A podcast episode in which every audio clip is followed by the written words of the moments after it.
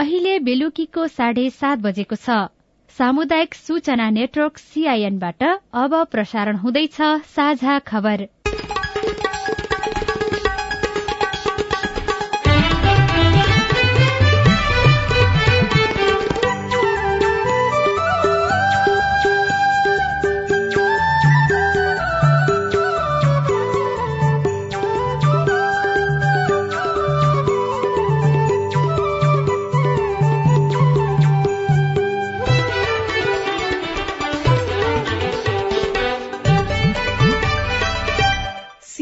सीआईएनको साझा खबरबाट स्नेहा कर्णको नमस्कार। साझा खबर देशभरिका सामुदायिक रेडियो सीआईएन खबर डट कम र मोबाइल एप सीआईएनमा पनि सुन्न सकिन्छ।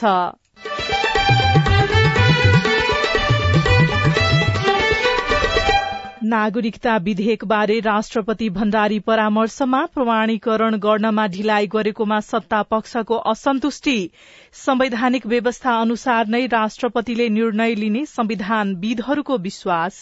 दुइटै संसदले जसरी पास गरेर उहाँ कहाँ पठाएको छ त्यही रूपमा उहाँले फेरि प्रमाणीकरण गरेर फर्काउनु पर्ने हुन्छ। अर्को विकल्प उहाँसँग छैन। थप दुईवटा पेट्रोलियम पाइपलाइन निर्माणका लागि सरकारको सैद्धान्तिक स्वीकृति सीट बाँडफाँडको विषयमा सत्ता पक्षमा असन्तुष्टि कायमै। प्रदेशमा तालमेल नगर्न कांग्रेस जिल्ला सभापतिहरूको सुझाव। कम्तीमा नेपाली कांग्रेसका मतदाताहरू नेपाली कांग्रेसको चिन्हमा मतदान गर्नबाट वञ्चित नहुन् भन्ने उद्देश्य बोकेर प्रधानमन्त्रीज्यूको हामी पुग्यौं। स्वास्थ्य बीमा बोर्ड मार्फत सात वर्षमा तेइस अर्ब बढ़ी रकम भुक्तानी धनुषाको कुर्थादेखि महोत्तरीको बिजलपुरासम्म रेल चलाउन परीक्षण अझै सोह्र जिल्ला पूर्ण साक्षर घोषणा हुन बाँकी। ठाउँ समुदाय समाज संस्कृति अनुसार फरक फरक ढंगको स्ट्रेटेजी लिनुपर्ने हुन्छ। त्यो चाहिँ त्यति हामीले लिन सकेको देखिँदैन र त्यसले गर्दाखेरि आशातीत सफलता प्राप्त गर्न सकेका छैनौं। र सन् दुई हजार तीससम्म कार्बन उत्सर्जनमा त्रिचालिस प्रतिशतले कटौती गर्ने अस्ट्रेलियाको लक्ष्य।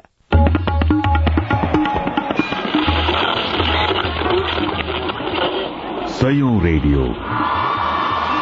हजारौं रेडियो कर्मी र करोड़ौं नेपालीको माझमा यो हो सामुदायिक सूचना नेटवर्क सीआईएन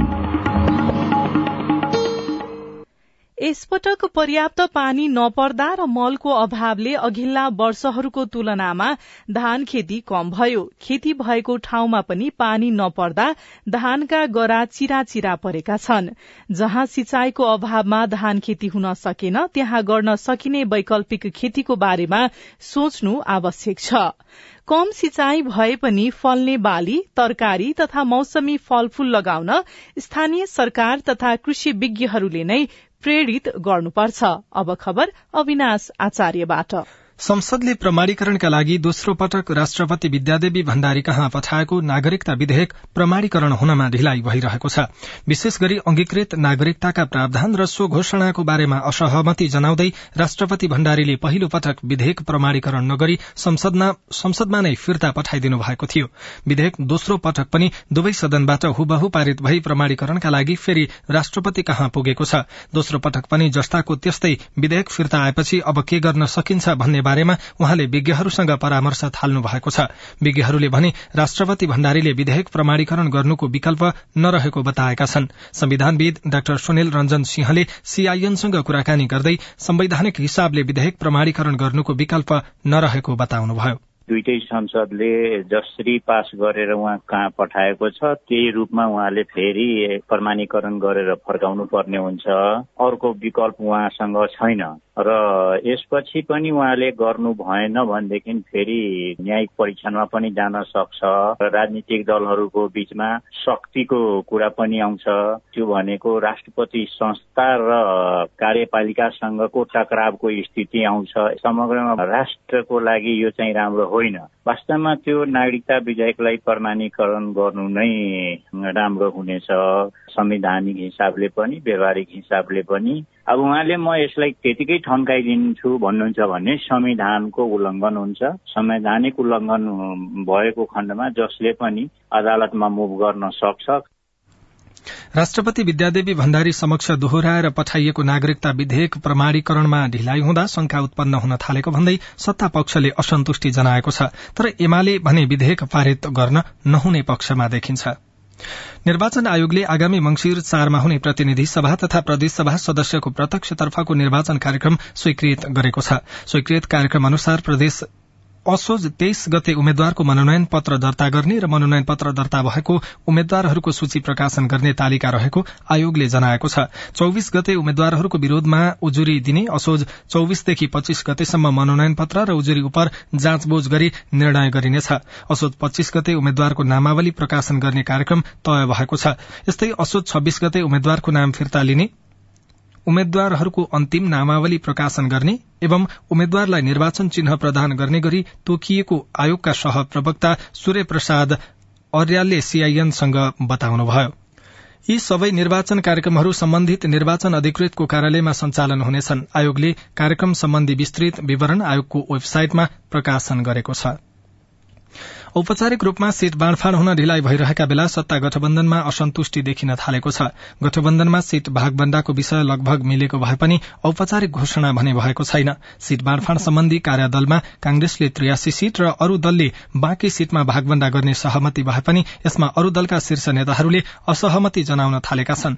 आज वीरगंज पुगेर जनता समाजवादी पार्टी नेपाल जसपाका केन्द्रीय अध्यक्ष उपेन्द्र यादवले सबै दलले जित्ने गरी सीट बाँडफाँड नभए गठबन्धनको कुनै औचित्य नरहने बताउनु भएको छ।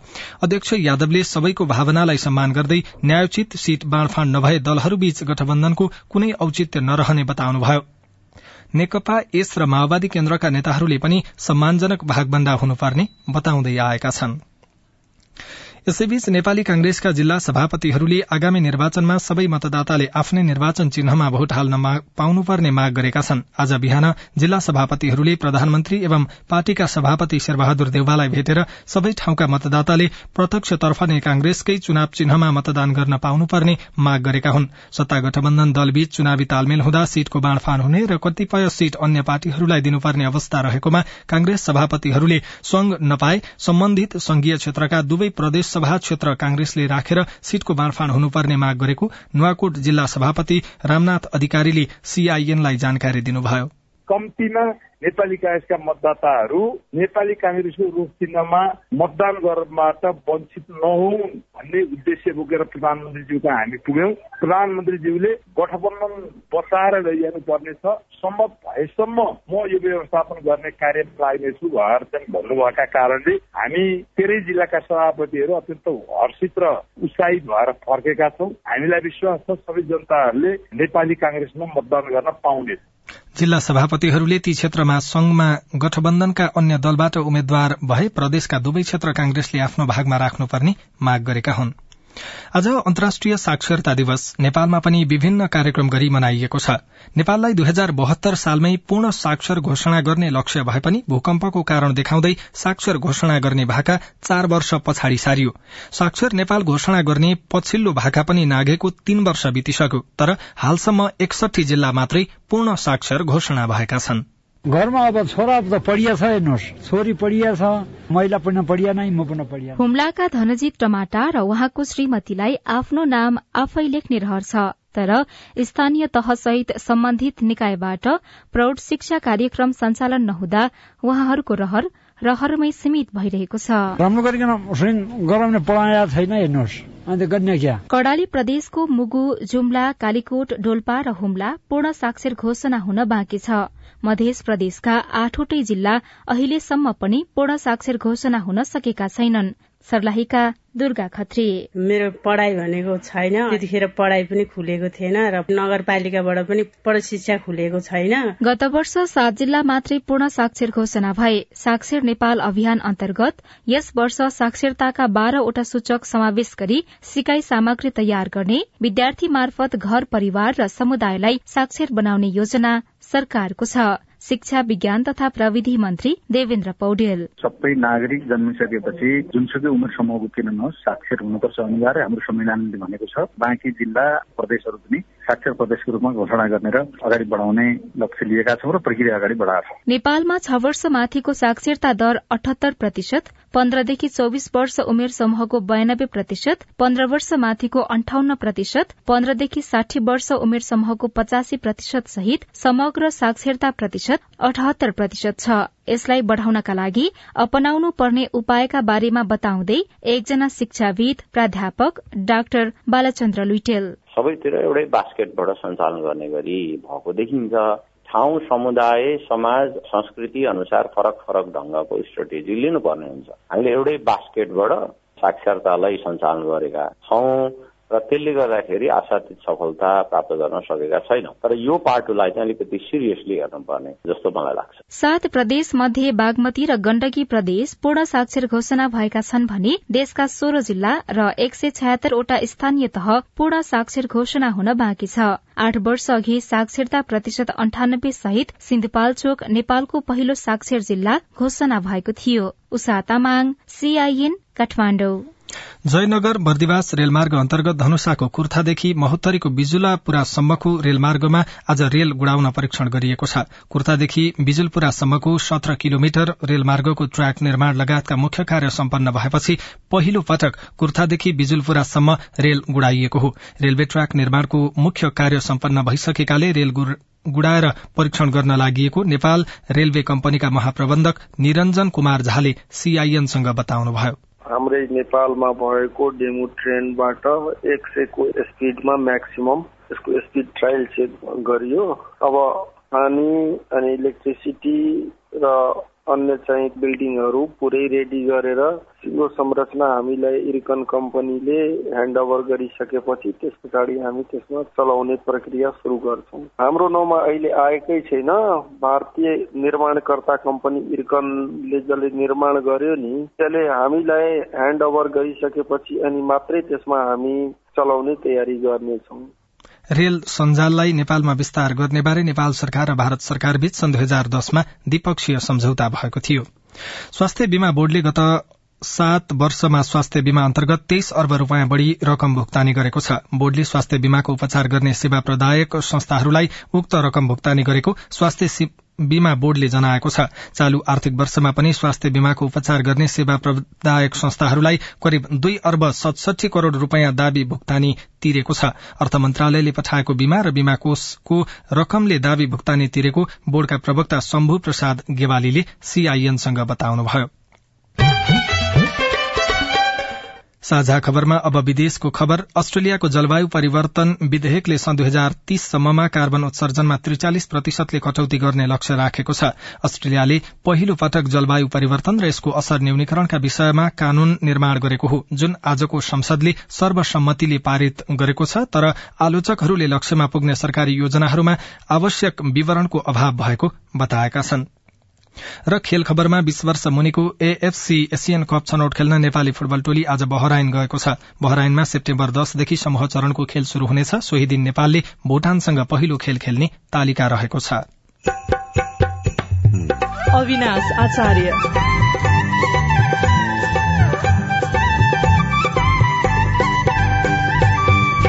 बाल बालिकामा मोबाइलको लत बच्चा बच्ची सम्पूर्ण मोबाइलमा लाउँदाखेरि तिनीहरूको चाहिँ स्वास्थ्यमा गम्भीर किसिमको समस्या भएको अहिले हामीले पाएका छौँ। मेरै घरका बच्चा बच्चीहरूलाई पनि आँखाका समस्या।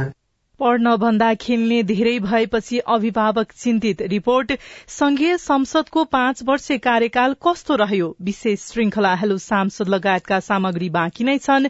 सीआईएनको साझा खबर सुन्दै गर्नुहोला। डेंगी ज्वरो बारे जानकारी। डेंगी ज्वरो लामखुट्टेको टोकाईबाट सर्ने एक किसिमको सरुवा रोग हो। वर्षातको मौसम शुरू भएपछि डेंगी ज्वरोको प्रकोप बढ्न थाल्दछ। यो रोग नेपालका विभिन्न ठाउँहरूमा देखा परिरहेको छ। डेंगी ज्वरोका लक्षणहरू। एक्कासी तीनदेखि पाँच दिनसम्म उच्च ज्वरो आउने धेरै टाउको दुख्ने आँखाको गेडी दुख्ने शरीरमा डाबरहरू आउने खानामा अरुचि हुने जोर्नी तथा मांसपेशीहरू बेसरी दुख्ने र पेट तथा आन्द्राको समस्या हुने। डेंगी ज्वरोको संक्रमणबाट बस्ने उपायहरू। लामखुट्टेको टोकाइबाट जोगिन पूरा शरीर ढाकिने गरी कपडा लगाउने राति सुत्ने बेला झुलको प्रयोग गर्ने लामखुट्टेको टोकाइबाट जोगिन मलम लगाउने घर वरपर तथा खेतबारीमा काम गर्न जाँदा पूरा बाहुला भएको कपडा तथा मलम लगाएर जाने। झ्याल ढोकामा जाली लगाउने र बन्द राख्ने पानी राख्ने भाँडाहरू सधैँ छोपेर राख्ने घर वरपर पानी जम्न नदिने खाल्डा खुल्डीहरू पुर्ने र घर आँगन सफा राख्ने लामखुट्टेलाई फूल पार्न नदिनको लागि एउटै ठाउँ वा भाँडोमा पानी जम्मा गरेर नराख्ने पुराना टायर पानी जम्न सक्ने भाँडाकुँडा बट्टा खाल्टो खनेर पुर्ने वा नष्ट गर्ने। साथसाथै गमला वा फूलदानी एयर कुलर जस्ता पानी जम्ने सामग्रीको पानी हप्तामा एक पटक नियमित रूपमा सुक्खा हुने गरी सफा गर्ने। डेंगी ज्वरोका लक्षणहरू देखिएमा तुरन्त नजिकको स्वास्थ्य संस्था वा स्वास्थ्य कर्मीबाट परामर्श लिनुहोस्। नेपाल सरकार स्वास्थ्य तथा जनसंख्या मन्त्रालय राष्ट्रिय स्वास्थ्य शिक्षा सूचना तथा संचार केन्द्र र सेभ द चिल्ड्रेनको सहकार्यमा जनहितमा जारी सन्देश। सामाजिक रूपान्तरणका लागि यो हो सामुदायिक सूचना नेटवर्क सीआईएन तपाई सामुदायिक सूचना नेटवर्क सीआईएनले तयार पारेको साझा खबर सुन्दै हुनुहुन्छ। सरकारले थप दुईवटा पेट्रोलियम पाइपलाइन निर्माणका लागि सैद्धान्तिक स्वीकृति दिएको छ। भारतको सिलिगुड़ीदेखि झापाको चाराली र बाराको अम्लेखगंजदेखि चितवनको लोथरसम्म पाइपलाइन बनाउन सरकारले सैद्धान्तिक स्वीकृति दिएको हो। अम्लेखगंजदेखि लोथरसम्मको पाइपलाइन बैसठी किलोमिटर लामो हुनेछ भने भारतको सिलिगुड़ीदेखि झापाको चारलीसम्मको पाइपलाइन पचास किलोमिटर लामो हुने उद्योग वाणिज्य तथा आपूर्ति मन्त्रालयले जनाएको छ।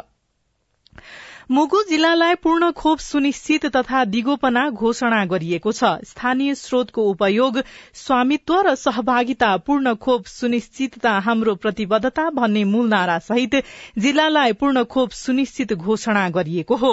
स्थानीय तह र वडा संघको समन्वयमा घरधुरी सर्वेक्षण गरी प्राप्त प्रतिवेदनको आधारमा जिल्लालाई पूर्ण खोप सुनिश्चित तथा दिगोपना घोषणा सभाको आयोजना भएको जिल्ला खोप समन्वय समितिका सचिव एवं स्वास्थ्य कार्यालय मुगुका प्रमुख उमेश गौतमले बताउनु भएको रेडियो मुगु मुगुले खबर पठाएको छ। साढे दुई वर्ष भन्दा धेरै समयदेखि नेपालमा कोरोनाको संक्रमण कायमै छ। शुरूमा महामारीको रूप लिएको कोरोनाबाट जोगिनका लागि त्यसै अनुसारको सावधानी अपनाउन सरकारले आदेश जारी गरेको थियो। विद्यालय भौतिक रूपमा खोल्न नमिल्ने भएपछि विभिन्न एप्लिकेशन डाउनलोड गरी मोबाइल मार्फत बालबालिका पठन पाठनमा सहभागी भए। तर हिजो आज भौतिक रूपमा कक्षा शुरू भइसक्दा उनीहरूको मोबाइलमा लागेको लत छुट्न सकेको छैन। रूपन्देहीको तिलोतमा दश देउलीका कुमार भट्टराई अनलाइन कक्षा शुरू भइसकेपछि आफ्ना सन्तानले राम्रोसँग पढ्न पाएकोमा खुशी हुनुहुन्छ। तर उनीहरूको ध्यान पढ़ाइमा भन्दा पनि मोबाइलमा बढ़ी गएकोमा चिन्तित लागेको उहाँको भनाइ छ। बच्चा बच्ची सम्पूर्ण मोबाइलमा लाउँदाखेरि तिनीहरूको चाहिँ स्वास्थ्यमा गम्भीर किसिमको समस्या भएको अहिले हामीले पाएका छौँ। मेरै घरका बच्चा बच्चीहरूलाई पनि आँखाका समस्या दिमागी असरका समस्याहरू भएर डाक्टरकोमा म आफै पनि आफ्ना बच्चालाई लिएर जानुपर्ने परिस्थिति आएको छ। तिलोतमा सातका गीता भट्टराईको अनुभव पनि उस्तै छ। बाल बालिकाहरूमा लागेको मोबाइलको लतका कारण पढ़ाई बिग्रिने डर उहाँमा छ। यतिसम्म लत बस्यो कि अहिले क्लास खुल्दा पनि स्कुल जान लाग्दा पनि तिनीहरूले मोबाइल छोड्न सकेनन्। जस कारण बच्चा बच्चीलाई न खुवाउन सकिन्छ न पढाउन सकिन्छ। त्यही मोबाइलको पछि लाग्दा लाग्दा लाग्दा अहिले बच्चा बच्ची यति बिग्रिसकेका छन्। कुमार र गीताको मात्र होइन कोरोना पछि अधिकांश अभिभावकको अनुभव यस्तै छ। विद्यार्थीहरूको रूचि पाठ्य पुस्तकबाट मोबाइलतर्फ केन्द्रित हुँदा गृह कार्य समेत नगरी विद्यालय आउन थालेको बताउँदै बोचोलको रुद्रपुर माविमा अध्यापनरत गीता शर्मा। कोरोना भन्दा अगाडि र पछाडिमा चाहिँ धेरै अन्तर देखिएको छ। उनीहरूको अध्ययन अध्यापनमा यसले प्रभाव पारेको छ। कोरोना महामारी पछि विद्यार्थीको पढ़ाइमा मात्र होइन आँखामा समेत समस्या देखिने क्रम बढ़ेको छ। शारीरिक र मानसिक समस्या लिएर आउने अभिभावकको संख्या बढ़ेको बताउँदै एकजना बाल रोग विशेषज्ञ डाक्टर संतोष पोखरेल गाँजा चरस खाँदाखेरि हाम्रो दिमागको अवस्था जस्तो हुन्छ नि यो हाम्रो ब्रेनको अवस्था चाहिँ यो मोबाइलको अत्याधिक प्रयोग गरेर त्यसमा एडिक्सन भएको बच्चाहरूको चाहिँ त्योभन्दा अझ खतरा हुन्छ। लकडाउन पछि चाहिँ बच्चा बच्चीहरू जस्तै एकदम धेरै रिसाउने झगडा गर्ने मुटु ढुकढुक गऱ्यो भने डर लाग्यो भनेर भने झडङ्ग रिसिहाल्ने केही कुरा फालिहाल्ने जे पनि एग्रेसिभ बिहेभियरहरू एकदम धेरै देखिएको छ बच्चामा। पहिले भर्चुअल रूपमा पढ्नुपर्छ भन्दै अभिभावकले नै मोबाइल जिम्मा लगाउने गरेका थिए। अहिले बाल बालिकाहरूमा बढ़ेको मोबाइल मोह हटाउन के गर्नु पर्ला? एकजना बाल मनोविद मधुविलास खनाल। त्यसको लत हटाउनको लागि चाहिँ अभिभावकको भूमिका असाध्यै महत्वपूर्ण हुन्छ। अभिभावकले छोराछोरीले मोबाइलमा इन्टरनेटमा उनीहरूले अधिक धेरै समय बिताएको जानकारी पनि दिनुपर्छ। र उनीहरूले कुन विषय कुन कन्टेन्ट हेरिरहेका छन् भनेर अभिभावकले थाहा पाउनुपर्छ अनुगमन मोनिटरिङ गर्नुपर्छ। बाल बालिकाले पढ़ाइमा भन्दा मोबाइलमा ध्यान दिने बानी हटाउनका लागि अभिभावकले उनीहरूसँग धेरै समय बिताउनु पर्ने पनि विज्ञहरूको जोड़ छ। निरु थापा सीआईएन रेडियो मुक्ति बुटोल। तपाई सामुदायिक सूचना नेटवर्क सीआईएनले काठमाण्डुमा तयार पारेको साझा खबर सुन्दै हुनुहुन्छ। संघीय संसदको पाँच वर्षे कार्यकाल कस्तो रह्यो? यो संसदीय प्रणाली अनुरूप हामीले गर्न सक्ने पल्लो हदको कुरा थियो। गर्नुपर्ने कामहरू चाहिँ अहिले पनि अब राख्नु पर्ने जे अवस्थाहरू आयो त्यति धेरै सुकट पक्ष होइन। पूर्व सभामुख र राष्ट्रिय सभा अध्यक्ष संघको समीक्षात्मक छलफल सहितको संवाद श्रृंखला हेलो सांसद लगायतका सामग्री बाँकी नै छन्। सीआईएनको साझा खबर सुन्दै गर्नुहोला।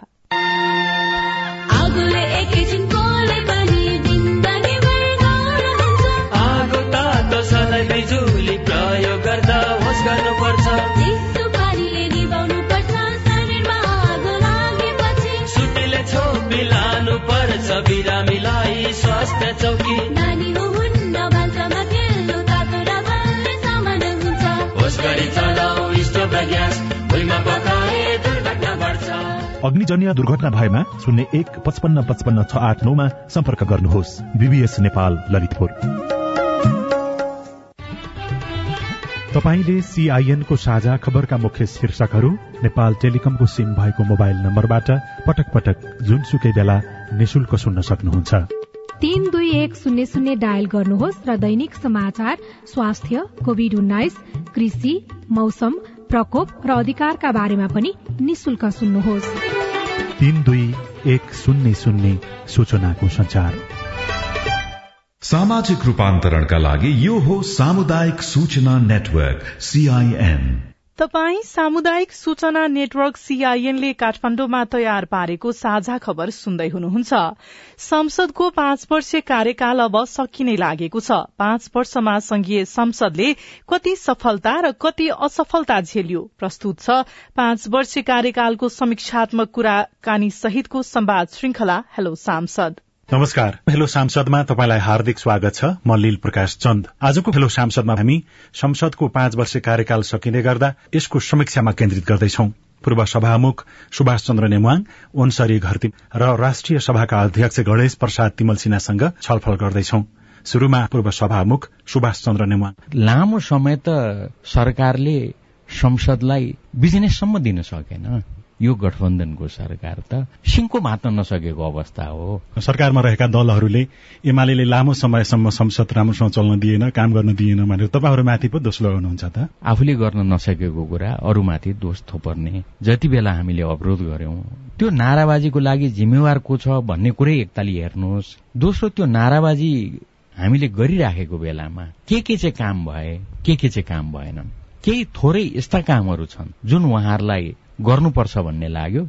उहाँहरूले गर्नुभएको छ। हाम्रो नाराबाजीले रोकियो। बजेट पास भयो कि पास भएन? यस्ता दुई तीनवटा उदाहरण दिन सक्छु म। संसद भनेको सरकारको बिजनेसले चल्छ। सरकारमा रहेका र नरहेका राजनैतिक दलहरूको सरकार गठन अथवा सांसदहरूलाई वैधानिकता दिने नदिने भन्ने कुरा र अरू विभिन्न काम कार्यवाहीमा जुन प्रकारको तिक्तता अथवा आरोप प्रत्यारोप त्यो द्वेषको कारणले गर्दाखेरि संसद बन्धक भयो भन्ने कहिलेकाहीँ सोच्नुहुन्छ तपाईँले? संसद मार्फत सरकार व्यक्तिगत रूपमा र सामूहिक रूपमा जनताप्रति उत्तरदायी हुन्छ। संसदले पारदर्शितालाई स्थापित गर्छ जवाबदेहितालाई स्थापित गर्छ। जब संसद प्रभावकारी हुँदैन यो जवाबदेहिता र पारदर्शिताले व्यवहारमा स्थापित हुने मौका पाउँदैन। संसद भनेको समिति मुख्य रूपमा हो। समिति मार्फत संसद प्रभावकारी हुन्छ। समितिलाई जति सक्दो बढ़ी प्रभावकारी बनाउनु पर्छ महाभियोग आयो नि होइन संसदमा। महाभियोग दर्ता भयो। अचानक प्रधान न्यायाधीशको विरूद्धमा फागुन एक गते दर्ता भएको महाभियोग पाँच महिना छ महिनासम्म समितिमा नपठाएर यसलाई छानबिनसम्म नगरिकन यत्तिकै झुण्ड्याएर राख्ने काम भयो। र यस पछाडि अचानक हिजो अस्ति आएर महाभियोगको विषयलाई संसदभित्र प्रवेश गराइयो। कति बेला त भन्दा जब निर्वाचनको घोषणा भयो। यो ढंगले काम गरेपछि अनि सरकार प्रभावकारी हुन्छ। लेखा समिति प्रमुख प्रतिपक्षी दलले लिनुपर्ने नेतृत्वमा त्यसरी पुग्ने स्थिति थियो।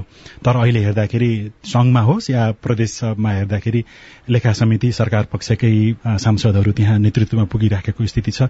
जसरी माग गरेर नेतृत्वमा पुग्न सक्नु पर्थ्यो र सुशासनको क्षेत्रमा काम गर्न सक्नु पर्थ्यो के लाग्छ यहाँलाई? हामीले के गर्नु पर्थ्यो भनेर सोध्ने बेला भयो। सड़कमा उठायौं शून्य समयमा उठायौं विशेष समयमा उठायौं ढ्याप ढ्याप समयमा उठायौं हामीले पछिल्लो समयमा आएर त लेखा समितिको बैठक नै बस्न सक्दैन भनेर आज उठायौं। यो संसदीय प्रणाली अनुरूप हामीले गर्न सक्ने पल्लो हदको कुरा थियो। हामी उत्कर्षमा पुगेर भनिराखेका छौं यो सम्पूर्ण मुद्दा लिएर अब जनतामा जान्छौं। अब पूर्व सभामुख ओन्सरी घरती मगरका कुरा सुन्ने पालो। छलफल गर्दै हुनुहुन्छ सहकर्मी उषा तामाङ। संसदको पाँच वर्ष कार्यकाल सकिनै लाग्दाखेरि पूर्व सभामुखको रूपमा कस्तो खालको समीक्षा गरिराख्नु भएको छ तपाईँले? एउटै शब्दमा भन्नु पर्दाखेरि निकै नै उतार चढावका बीचबाट संसदले आफ्नो पाँच वर्षको दौरान गुजारेको मैले चाहिँ महसुस गरेको छु। उतार चढाव कुन मानेमा भयो? पाँच वर्षको जे कार्यकाल थियो एकदमै स्मुथली जानुपर्छ र संविधानमा भएका प्रावधानहरूलाई हुबहु कार्यान्वयन गर्ने र हामीले जति सकिन्छ त्यति चाहिँ जनताको कामलाई रफ्तारमा गर्ने भन्ने मैले चाहिँ सोचेको थिएँ। किनभने कानून बनाउने अधिकांश कामहरू चाहिँ संविधान सभा पछाडिको यो चाहिँ व्यवस्थापिका संसदले बनाएको थियो जुन बेलामा म चाहिँ आफै सभामुख थिएँ। तर यस बेलामा चाहिँ कानून केही केही कानूनहरू जसले चाहिँ हामीलाई बाधा पुर्याउँछ त्यो पनि निर्माण गर्दै जाने र जनताको कामलाई चाहिँ हामीले जति सकिन्छ चाँडो भन्दा चाँडो गर्नुपर्ने त्यस्तो हुनुपर्ने हो। ती कानून बनाउने कामहरू जे छन् ती सीमित कानूनहरू बनाउने कामहरू पनि हामीले एकदमै ढिल्ला गरियो। गर्नुपर्ने कामहरू चाहिँ अहिले पनि अब राख्नु पर्ने जे अवस्थाहरू आयो यो चाहिँ त्यति धेरै सुखद पक्ष होइन। नौ महिनाहरू चाहिँ लगातार चाहिँ संसद अवरोधकै अवस्था थियो होइन। एउटा वर्ष त यतिकै गयो नि त। यो संसदले तीन वर्ष उसले समय पायो। ती तीन वर्षहरूमा पनि अब संसद कहिले विघटन होइन? पुनर्जीवित हुने यस्तो प्रक्रियाहरू पनि चल्यो के? जो चाहिँ एकदमै दुखद पक्षहरू हो। यो पाँच वर्ष चाहिँ का समयहरू धेरै जसो चाहिँ खेर गयो। एउटा मात्रै पक्षको भूमिकाले गर्दाखेरि यो हुन गएको होइन होइन? प्रतिनिधि सभाले पाँच वर्ष कार्यकाल सम्पन्न गर्दै गर्दा राष्ट्रिय सभा र प्रतिनिधि सभा बीच भइरहेको समन्वयको अवस्था कस्तो छ? राष्ट्रिय सभाका अध्यक्ष गणेश प्रसाद तिमल सिन्हासँग कुराकानी गरेका छौं। संघीय संसद राष्ट्रिय सभाको बैठक संयुक्त बैठक नै जेठ तीन गतेबाट शुरू भयो र राष्ट्रिय सभाको बैठक यसबीचमा चालिस दिन बस्यो र चालिस दिनमा पैंतालिसवटा बैठकहरू हामीले सञ्चालन गर्यौं सातवटा विधेयकहरू प्रमाणीकरणको लागि हामीले पठाएका छौँ। सभामा विचाराधीन दसवटा विधेयकहरू छन्। यो दसवटा विधेयक भनेको अब समितिबाट पास भएर आएको तर अब अहिले हामीले दसवटा विधेयक प्रतिनिधि सभामा पठाउनु पर्ने हो। पठायौँ भने अब प्रतिनिधि सभाको चुनाव हुने र अब प्रतिनिधि सभा नरहने हुँदाखेरि यी विधेयकहरू शून्य अवस्थामा जाने भएको हुँदा यिनलाई हामीले राष्ट्रिय सभामा यत्तिकै राखिरहेछौँ ताकि प्रतिनिधि सभाको चुनाव भएर नयाँ प्रतिनिधि सभा गठन भएपछि सभामा पठाउन सकियोस्। त्यस हिसाबले यो दर्शता रहेको छ। विधायन समितिमा एउटा यो छलफलकै क्रममा अहिले पनि रहेको छ। हामीसँग दर्ता भएको एउटा विधेयक र एउटा विधेयक चाहिँ नि सदस्यहरूको लागि वितरण गरेका छौँ। यस बिचमा अलिकति हामीलाई चाप चाहिँ के पर्यो भने अन्तिम अन्तिममा मात्र सरकारले विधेयकहरू लिएर आउने हुँदा अलिकति छलफल चलाउनको लागि समय अलिकति कम हुने अलिक छिटो छिटो पास गरेर पठाइदिनु पर्ने ताकि निर्वाचन आउने भएको र निर्वाचन आउँदा धेरै मेहनत गरेका विधेयकहरू चाहिँ नि दुवै सदनबाट पास भएर नजाँदा खास गरी प्रतिनिधि सभामा उत्पत्ति भएका विधेयकहरू पास भएर नजाँदा ती शून्य अवस्थामा जाने भएको हुँदाखेरि हामीलाई अलि चाप परेको हामीले महसुस गरेका छौँ। तैपनि राष्ट्रिय सभामा कुनै पनि विधेयकहरू अल्झिएर लामो समय रह्यो भन्ने स्थिति हुन हामीले दिएका छैनौँ। संवाद श्रृंखला हेलो सांसदको विस्तृत कुराकानी भोलि बिहान साढे छ बजेको कार्यक्रम हेलो सांसदमा प्रसारण हुनेछ। सुन्ने प्रयास गर्नुहोला। प्रतिनिधि सभा र प्रदेशसभा सदस्य निर्वाचनका लागि सीट बाँडफाँड गर्न गठित सत्ता गठबन्धनको एघार सदस्यीय कार्यदलले अधिकांश क्षेत्रमा सहमति सहितको प्रतिवेदन शीर्ष नेतालाई बुझाएको छ। कार्यदलले आज दिनभर छलफल गर्दा पनि केही निर्वाचन क्षेत्रमा दुई दलको र केहीमा तीन दलको दावी भएका कारण सबैको दावी सहितको प्रतिवेदन बुझाएको कार्यदलका सदस्य वर्षमान पुनले जानकारी दिनुभएको छ। नेपाल क्रिकेट संघ क्यानले राष्ट्रिय क्रिकेट टोलीका कप्तान सन्दीप लामिछानेलाई निलम्बित गरेको छ। क्यानले आज एक विज्ञप्ति जारी गर्दै लामिछानेलाई निलम्बन गरिएको बताएको हो। नागरिकता विधेयकको बारेमा राष्ट्रपति भण्डारी परामर्शमा जुट्नु भएको छ। संवैधानिक व्यवस्था अनुसार नै राष्ट्रपतिले विधेयक प्रमाणीकरण गर्ने संविधानविदहरूले विश्वास व्यक्त गरेका छन्। सीट बाँडफाँड गर्न गठित सत्ता गठबन्धनको कार्यदलले सहमति सहितको प्रतिवेदन शीर्ष नेतालाई बुझाएको छ। साक्षर नेपाल घोषणा गर्ने भाका नागेको तीन वर्ष बिते पनि अझै सोह्र जिल्ला पूर्ण साक्षर घोषणा हुन बाँकी रहेको छ र राष्ट्रिय क्रिकेट टोलीका कप्तान सन्दीप लामिछानेलाई क्यानले निलम्बन गरेको छ। हवस् त आजलाई साझा खबरको समय सकियो। प्राविधिक साथी सुरेन्द्र सिंहलाई धन्यवाद। भोलि भदौ चौविस गते बिहान छ बजेको साझा खबरमा फेरि भेटौंला। अहिलेलाई स्नेहा कर्ण पनि विदा हुन्छु। नमस्कार शुभरात्री।